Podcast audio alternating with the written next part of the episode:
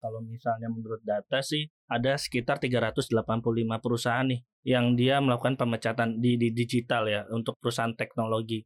Dan ini angkanya tuh hampir mirip seperti di tahun 2020 saat Covid. Itu di kisaran 400-an.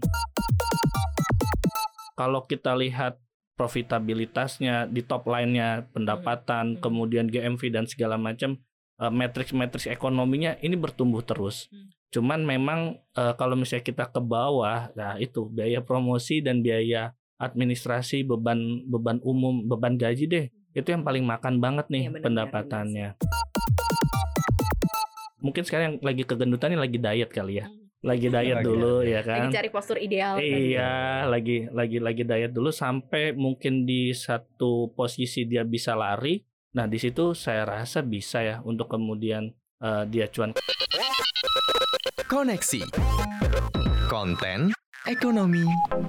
Seksi. Hai Sobat Cuan, selamat datang di podcast Cuap Cuap Cuan. Semoga dalam kondisi sehat, bahagia ya Sobat Cuan ya Senang sekali di hari Rabu ini kita kembali bisa menyapa Sobat Cuan dalam koneksi konten. Ekonomi. Seksi. Yes, bareng Maria Katarina dan juga bareng dengan Mas Roberto Sadrianto Serin Tim riset CNBC Indonesia dan juga Mas Adam Isa di sini produser CNBC Indonesia TV Halo. Kita akan bahas soal uh, badai PHK di yeah. startup ya. Karena beritanya juga lumayan apa ya lumayan uh, banyak uh, di medsos kemudian juga uh, korbannya juga banyak ya 120 ribuan karyawan ya dalam uh, semingguan terakhir. Dan nggak terjadi cuma di Indonesia sebenarnya. Jadi terjadi di beberapa negara juga gitu. Nah ini apa sih yang lagi muncul nih? Tren apa atau fenomena apa hmm. sih gitu? Kenapa kemudian uh, layoff ini lagi banyak banget sekarang? Iya uh, layoff ini kan nggak cuma di Indonesia seluruh dunia. Bahkan kalau misalnya menurut data sih ada sekitar 385 perusahaan nih hmm. yang dia melakukan pemecatan di, di digital ya untuk perusahaan teknologi dan ini angkanya tuh hampir mirip seperti di tahun 2020 saat Covid. Itu di kisaran 400-an. Dan itu terjadi sepanjang kuartal 3 kemarin. Di mana kuartal 2 itu tingkatnya mencapai 200-an perusahaan. Artinya kalau dalam dua kuartal ini digabung jumlahnya sudah lebih banyak dibandingkan ketika Covid kemarin. Yang ini pantaslah menjadi sorotan. Uh, dan namun memang banyak yang bilang kalau misalnya ya ini kan udah saatnya perusahaan teknologi untuk cuan. Hmm udah-udah saatnya investor ini take profit. Sudah terlalu lama investor hmm. masuk ke perusahaan teknologi, namun toh hanya bisa mendapatkan skala, skalasi bisnis. Okay, Jadi okay. skalanya besar tapi tetap aja rugi karena bakar uang. Ketika ekonomi lagi nggak stabil, inflasi naik, suku bunga naik, akhirnya modal udah mulai seret. Hmm. Ini yang kemudian uh, digadang-gadang menjadi salah satu faktor penyebab perusahaan digital mulai mandek kemudian juga uh, sahamnya uh, perusahaan kan tercermin dari harga saham yeah. Nasdaq yeah. turun 30% yeah, yeah. bahkan mendekati saat dot com bubble hmm. tahun 2000-an yang 39% turun dalam uh, satu tahun. Nah, hmm. ini yang kemudian dilihat bahwa kayaknya nih udah mulai ada uh, efisiensi mungkin menjadi salah satu pilihan dan tampaknya perusahaan-perusahaan teknologi sudah mencapai peaknya kemarin hmm. ketika ketika COVID. Nah, ini udah saatnya dia mulai terjun mulai goyah bisnis dan saya rasa ini alami ya. Kan namanya bisnis ini seleksi ada siklus. alam jadinya, ya? seleksi alam karena dilihat lagi mana perusahaan yang akhirnya bisa membawa bisnisnya yang besar ini menjadi profit. Investor kan juga tetap hmm. perlu dividen perlu keuntungan dari apa yang dia investasikan. Hmm. jadi wajar aja kemudian ketika investor menagih mana nih iya, untungnya ya, ya, nih? ya, ya, kok nggak ada? Nah di sini uh, para perusahaan teknologi ini yang startup ini yang sebagai pihak yang diberi dana ya mau nggak mau melakukan berbagai banyak cara. Mungkin salah satu iya. strateginya yeah. adalah layoff.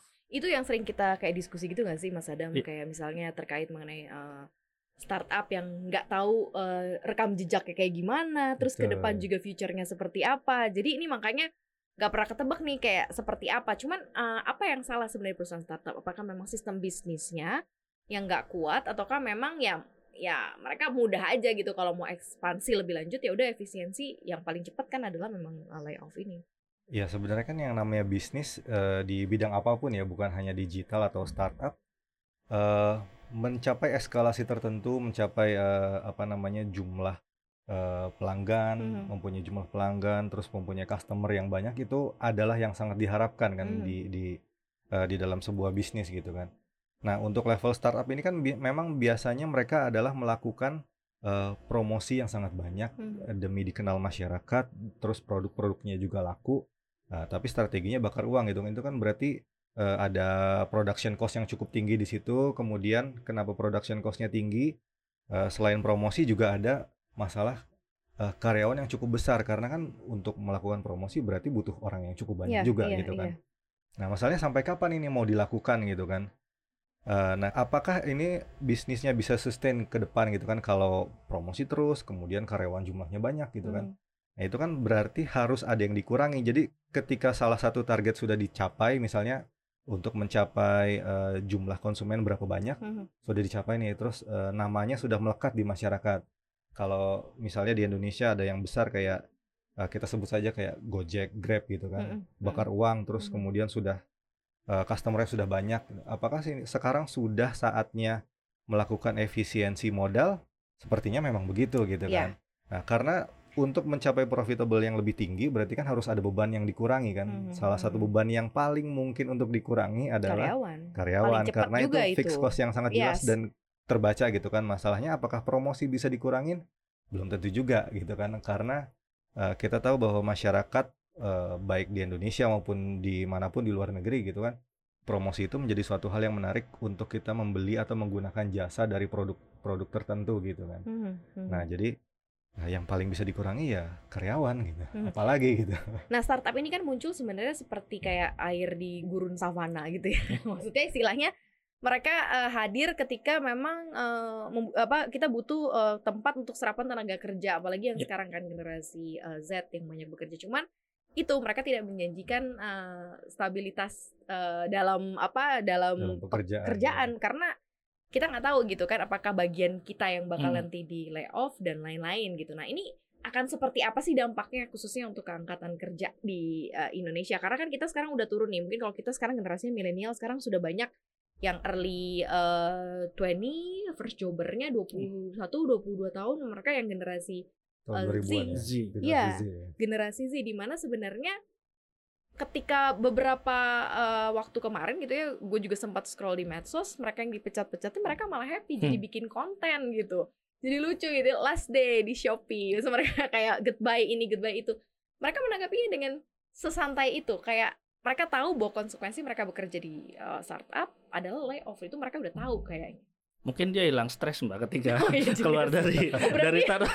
Ada kan ya. gosip-gosipnya kan kalau di startup kan wah kerjanya kayak di kayak Pressure-nya tinggi. pressure-nya oh tinggi. gitu oke Mungkin oke, kan kayak ah lepas bisa Hmm, healing, mental health dan segala macam kan bahasa-bahasa Gen Z kan begitu ya, Mas Mbak ya. Tapi eh, memang kemudian eh, saya nyambung tadi kata Mas Adam bahwa promosi ini kan yang menjadi salah satu senjata ya dari startup. Hmm. Bahkan ketika promosi sudah gencar pun itu tidak menjanjikan bahwa dia bisa membuat customernya loyal. Hmm. Kalau misalnya nih ada ada tiga eh, sebut aja GoFood, GrabFood, Shopee Food. Iya. Kalau misalnya eh, GoFood kasih diskon 50%, Shopee Food berani kasih 60%, ini bakal lari nih ke Shopee Food. Hmm. Nah, perang diskon ini yang kemudian sudah menjamur dan juga udah tertanam nih di konsumen sehingga mungkin promosi bukan jadi jalan untuk kemudian dihapus.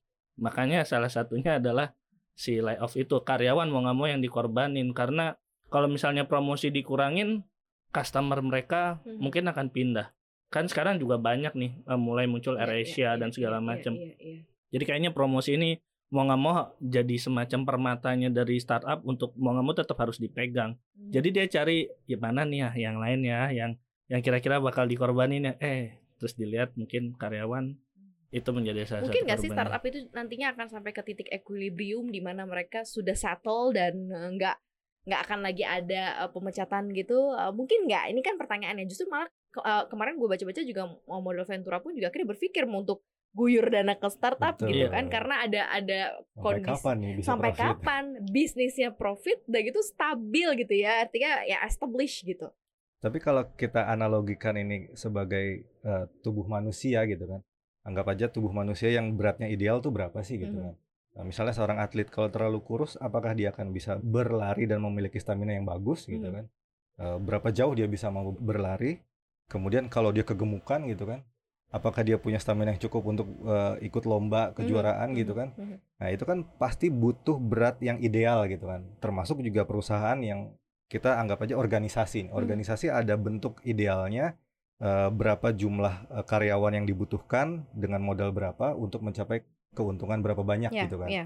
kita harus menggunakan prinsip ekonomi juga di sini kan Eh, berapa modal yang kita punya terus berapa yang bisa kita hasilkan gitu kan nah ketika modal ini terlalu besar di kita habiskan untuk karyawan itu juga kan nggak bagus Hmm. nah terus kemudian di dalam satu tim itu eh, mungkin yang namanya startup ini kan perusahaan baru dia masih mencari bentuk idealnya di dalam satu bagian itu bisa dikerjakan berapa orang gitu kan Hmm, jika hmm. 10 orang itu bisa dikerjakan tapi ternyata ketika sebagian di layoff misalnya tiga orang gitu tujuh orang masih berjalan gitu kan Mhm. dan itu lebih efektif berarti kan modal yang dikeluarkan kan berkurang da- untuk tiga orang itu kan Mhm. misalnya 10 jadi 7 gitu kan Mhm. nah kalau di situ bisa efektif berarti kan nanti Berarti kita nggak butuh profitnya 10 lagi, lebih- iya, profitnya lebih profitnya tinggi besar, lagi, tapi gitu. modalnya lebih kecil gitu Yes. kan itu prinsip ekonominya seperti itu Eh, mungkin sederhananya seperti itu ya jadi mencari bentuk ideal sebuah, sebuah perusahaan mungkin dalam 1 sampai lima tahun terus kemudian 5 sampai 10 tahun itu masih akan dalam bentuk pencarian jadi mencari 10 sampai 10 sustainability-nya gitu ya Which is sampai 10 tahun ke depan kita belum tentu juga bisa belum uh, tentu juga perusahaannya masih ada. Iya. Makanya kalau bener kalau juga. kalau kalau dalam 5 sampai 10 tahun masih tidak menguntungkan, apakah investor masih mau masuk gitu kan? Mhm, Sementara uang yang dia investasikan kan pasti pengennya menjadi untung gitu kan. Mhm. Sementara perusahaannya kita anggap wah ini terlalu gemuk perusahaannya gitu kan. Mhm. Harus ada pemotongan, pemotongan, pemotongan ya baik karyawan maupun operasional gitu kan. Itu pasti ada gitu. Masalahnya ya tadi Mas Robertus bilang promosi pasti tidak bisa dikurangin Mhm. karena banyak eh, persaingan bisnis yang sejenis melakukan apa namanya promo yang lebih gencar gitu kan. Kita tahu bahwa Mhm. konsumen terutama di Indonesia kita anggap aja tidak ada yang benar-benar 100% loyal Iya. gitu betul, kan. betul. Karena di mana ada yang lebih murah, di situlah Betul. pasti konsumen Benar. akan datang. Mudah berpindah ke lain Iya, hati betul, lah gitu. berpindah ke lain Apalagi hati. sekarang Gampang harga lagi mahal-mahalnya nih. Iya, Banyak yang mahal. beda belakangnya doang aja. Iya, bisa beda pindah gitu ya. seribu rupiah aja kita bisa pindah loh. Betul. Berarti ini apa ya eskalasi perang startup ini masih akan gimana nih ke depan Mas Robert kalau yang lo lihat ya Mm-mm. karena kalau tadi kan Mas Adam bilang belum tentu aja 10 tahun nanti Iya. bakalan masih ada. Sementara kan tadi ya maksudnya startup menjadi pilihan uh, untuk generasi-generasi uh, Z untuk menyerap uh, tenaga kerja karena mungkin uh, big group atau company udah uh, sangat mungkin udah udah cukup established lah dengan karyawan-karyawan milenial yang Iya. masih ada di sana. Nah ini gimana gitu dan gue ngebayangin gitu mereka life-nya hustle banget gitu nih anak-anak Gen Z gitu kan kalau misalnya masuk dari satu startup ke startup lain di layoff layoff gitu kan Nah, dan perusahaannya bahkan tidak ada yang bisa menjamin akan eh, keberlangsungan dari bisnisnya nih gimana nih? Sebenarnya ada satu sektor harapan nih buat eh, teknologi kemudian bisa cuan. Itu di sektor finansial. Oke. Di be- di beberapa negara selain di Indonesia, eh, ini juga eh, as perbankan ini kan kemudian mereka juga mengeluarkan eh, perusahaan-perusahaan digital ya berbasis Hmm. digital. Nah, mereka itu akhirnya bisa untung ketika mereka sudah berjalan 5 sampai 10 tahun untuk perusahaan yang baru berdiri. Tapi perusahaan yang eh, mereformasi dari konvensional menjadi digital itu memang butuh waktu lebih lama 15 sampai 20 tahun, tapi setidaknya akhirnya mereka untung. Jadi sebenarnya mungkin mungkin eh, tergantung sektornya juga. Jangan-jangan eh, selain sektor finansial ini ada sektor lain. Sekarang yang banyak layoff itu kan sektor transportasi dan sektor eh, makanan. Makanan. Ini yang memang menyerap tenaga kerja yang paling banyak karena hubungannya dengan ber- eh, ada restoran, kemudian people, mobilitas dan segala macam. Mungkin sekarang yang lagi kegendutan ini lagi diet kali ya. Lagi diet Lagi dulu diet. ya kan. Lagi cari postur ideal. Iya, lagi lagi lagi diet dulu sampai mungkin di satu posisi dia bisa lari. Nah, di situ saya rasa bisa ya untuk kemudian eh, dia cuan karena eh, kalau kita lihat profitabilitasnya di top line-nya, pendapatan, hmm. kemudian GMV dan segala macam eh, matriks-matriks ekonominya ini bertumbuh terus. Hmm. Cuman memang eh, kalau misalnya kita ke bawah, nah itu biaya promosi dan biaya administrasi, beban beban umum, beban gaji deh. Itu yang paling makan banget nih benar-benar, pendapatannya. Nah, buat yang tenaga yang angkatan kerja itu pasti berdampak lah. Karena kan eh, ini kan sebenarnya tarik-tarikan ya. Di satu sisi mungkin eh, startup pengen ngurangin tenaga kerja, tapi mungkin di satu sisi ada ada apa ya semacam ada tekanan untuk ini loh, ini kan sektor yang bisa menyerap tenaga kerja, tolong ditahan. Mungkin mungkin seperti itu. Eh, nggak Hmm. tahu juga kan karena serapannya banyak ojol misalnya itu kan banyak banget. Nah itu saya kalau misalnya di mereka dilepas pun mungkin nggak bisa. Mungkin juga ya kalau misalnya Gen Z kayaknya eh, loncat-loncat mungkin kan udah budaya juga Udah kan. memang kayak kancil ya. Iya kancil lincah Udah banget kayaknya. anak zaman sekarang. Iya, ya. Iya. Tapi mungkin ada sisi positif yang eh, apa ya eh, tenaga kerja di PHK. Tapi kenapa mereka akhirnya senang gitu kan? Mungkin yang pertama mereka dapat CV pengalaman kerja di situ kan. Mungkin Experience setahun, ya, dua iya, tahun iya, ya kan iya, ada iya, iya. experience-nya kerja di perusahaan digital atau startup Hmm. dengan eh, tingkat stressful yang lumayan tinggi, kemudian target Hmm. gitu kan. Yang kedua mungkin dari sisi kalau di PHK kan pasti ada pesangon biasanya. Mhm. Untuk perusahaan yang baik gitu kan pasti ada pesangon gitu Ketimbang kan. sukarela resign ya. Ketimbang sukarela resign. Mendingan gue nunggu di Nah, jadi PHK gitu. lumayan kan dapat modal untuk Iya. kalau anak zaman sekarang bilangnya healing buat Iya. jalan-jalan dulu, nanti mereka dapat kerja lagi gitu kan. Yes, yes, yes. Itu pasti ada sisi positif yang bisa mereka ambil. Kemudian mereka juga rata-rata masih muda di bawah 30. Ya, Mm-mm. ya. Nah, untuk mencari pekerjaan baru mungkin bukan sesuatu hal yang sepertinya eh, terlalu sulit gitu kan. Mhm. Nanti bisa pindah ke perusahaan startup lain, apalagi kan ekonomi terus bertumbuh. Hmm. Pasti perusahaan baru nanti ada lagi gitu kan. Data pengangguran akan mempengaruhi nggak sih untuk kan rapot eh, perekonomian Indonesia pengangguran eh, bertambah atau apa gitu akan membuat akhirnya menjadi jelek gitu rapot eh, ekonomi Indonesia jadinya atau nggak ngaruh nih yang efek Bisa ngaruh. Bisa aja ngaruh kalau misalnya eh, kan namanya pengangguran kan konot konot apa konot ininya kan udah jelek ya jelek. konotasinya udah jelek ya. Jadi kalau pengangguran nambah orang mungkin juga panik wah ekonomi Indonesia nih lagi jelek-jeleknya nih karena nggak ada serapan tenaga kerja Iya, bisnisnya dan nggak jalan berarti gitu konsumsi. kan. konsumsi Konsumsi kan ini PDB penggerak penggerak PDB paling gede tapi kan ekonomi ekonomi Indonesia nggak cuman soal konsumsi dan pengangguran ada faktor-faktor lain yang saya rasa itu yang masih bisa nopang ekonomi Indonesia. Sri Mulyani aja optimis kan ekonomi kita masih di atas 5% padahal negara-negara lain buat berjuang ke 3% 2% aja sulit. sulit banget. Tapi ya kita berharap bahwa layoff ini jangan menular ke yang lain deh Sektor lain, sektor ya. lain Betul, Yang betul, lebih betul. mature yang Yes. lebih mature, yang manufaktur, jangan. yang Iya, dia iya, nyerap iya. tenaga kerjanya yang bener-bener padat dan eh, bukan karya. angkatan kerja muda, yes, yes. angkatan kerja tua yang mungkin lebih sulit lagi nyari kerja kalau Kalau misalnya angkatan kerja dipecat. muda mungkin masih masuknya ke pengangguran yang sementara hanya Iya. beberapa bulan terus ada lagi dia Mm-mm. bekerja lagi. Kalau sementara udah yang di atas 30, di atas 40 ketika dia sudah kena layoff itu mungkin akan buat lebih mereka. sulit lagi dapat Iya. pekerjaan di dalam satu korporasi atau perusahaan gitu kan. Dan belum tentu kayak Indosat, bahkan Indosat kasih pesangon, katanya sama satu Betul. miliar wah 37 kali gaji. oh Dua- gitu Iya. 20 berapa ya 20 20-an sampai ada yang maksimal 67 kali gaji kalau nggak Iya. salah dengan jumlah maksimal satu orang itu bisa Padahal duit- dapat 1,6 miliar Iya, rupiah. padahal duit yang dikeluarin juga gede ya, tapi which is is good for company gitu ya untuk layoff ternyata lebih kecil Iya. kali ya budgetnya ketimbang dia Mungkin. running dengan sekian Iya, banyak orang ya. iya, iya, mungkin mungkin seperti itu. Jadi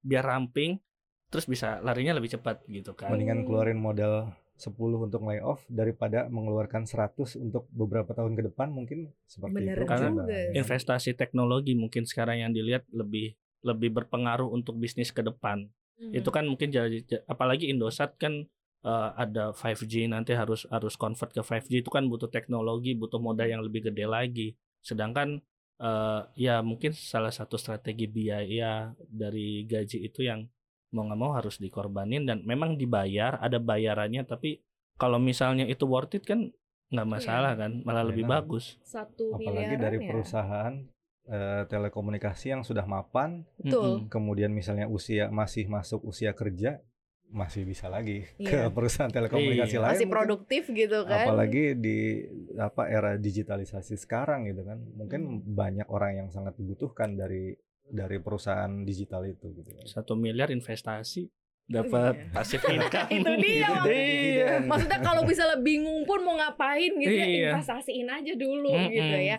Tapi ini kayak sesuatu hal yang memang harus dipahamin juga sih oleh sobat cuan ya khususnya yang denger kita nih milenial, Gen Z. Khususnya Gen Z deh, mungkin harus lebih baik lagi dalam penataan pengelolaan keuangannya karena hidup kalian tuh lebih hassle ya dari yang milenial ya. Betul. Mungkin bisa tadinya kerja sampai tahu-tahu di layoff gitu. Ya syukur-syukur kalau dapat eh, uang pensiun eh uang pensiun uang PHK-nya lumayan. Kalau Iya. misalnya enggak kan kalian harus Tapi pintar-pintar kan. uang PHK lumayan pun kalau nggak bisa ngelola Itu habis dia. lama habis. Bener, habis bener. Jadi ya Jangan pegang prinsip hidup cuma satu kali gitu. Wah, Iya.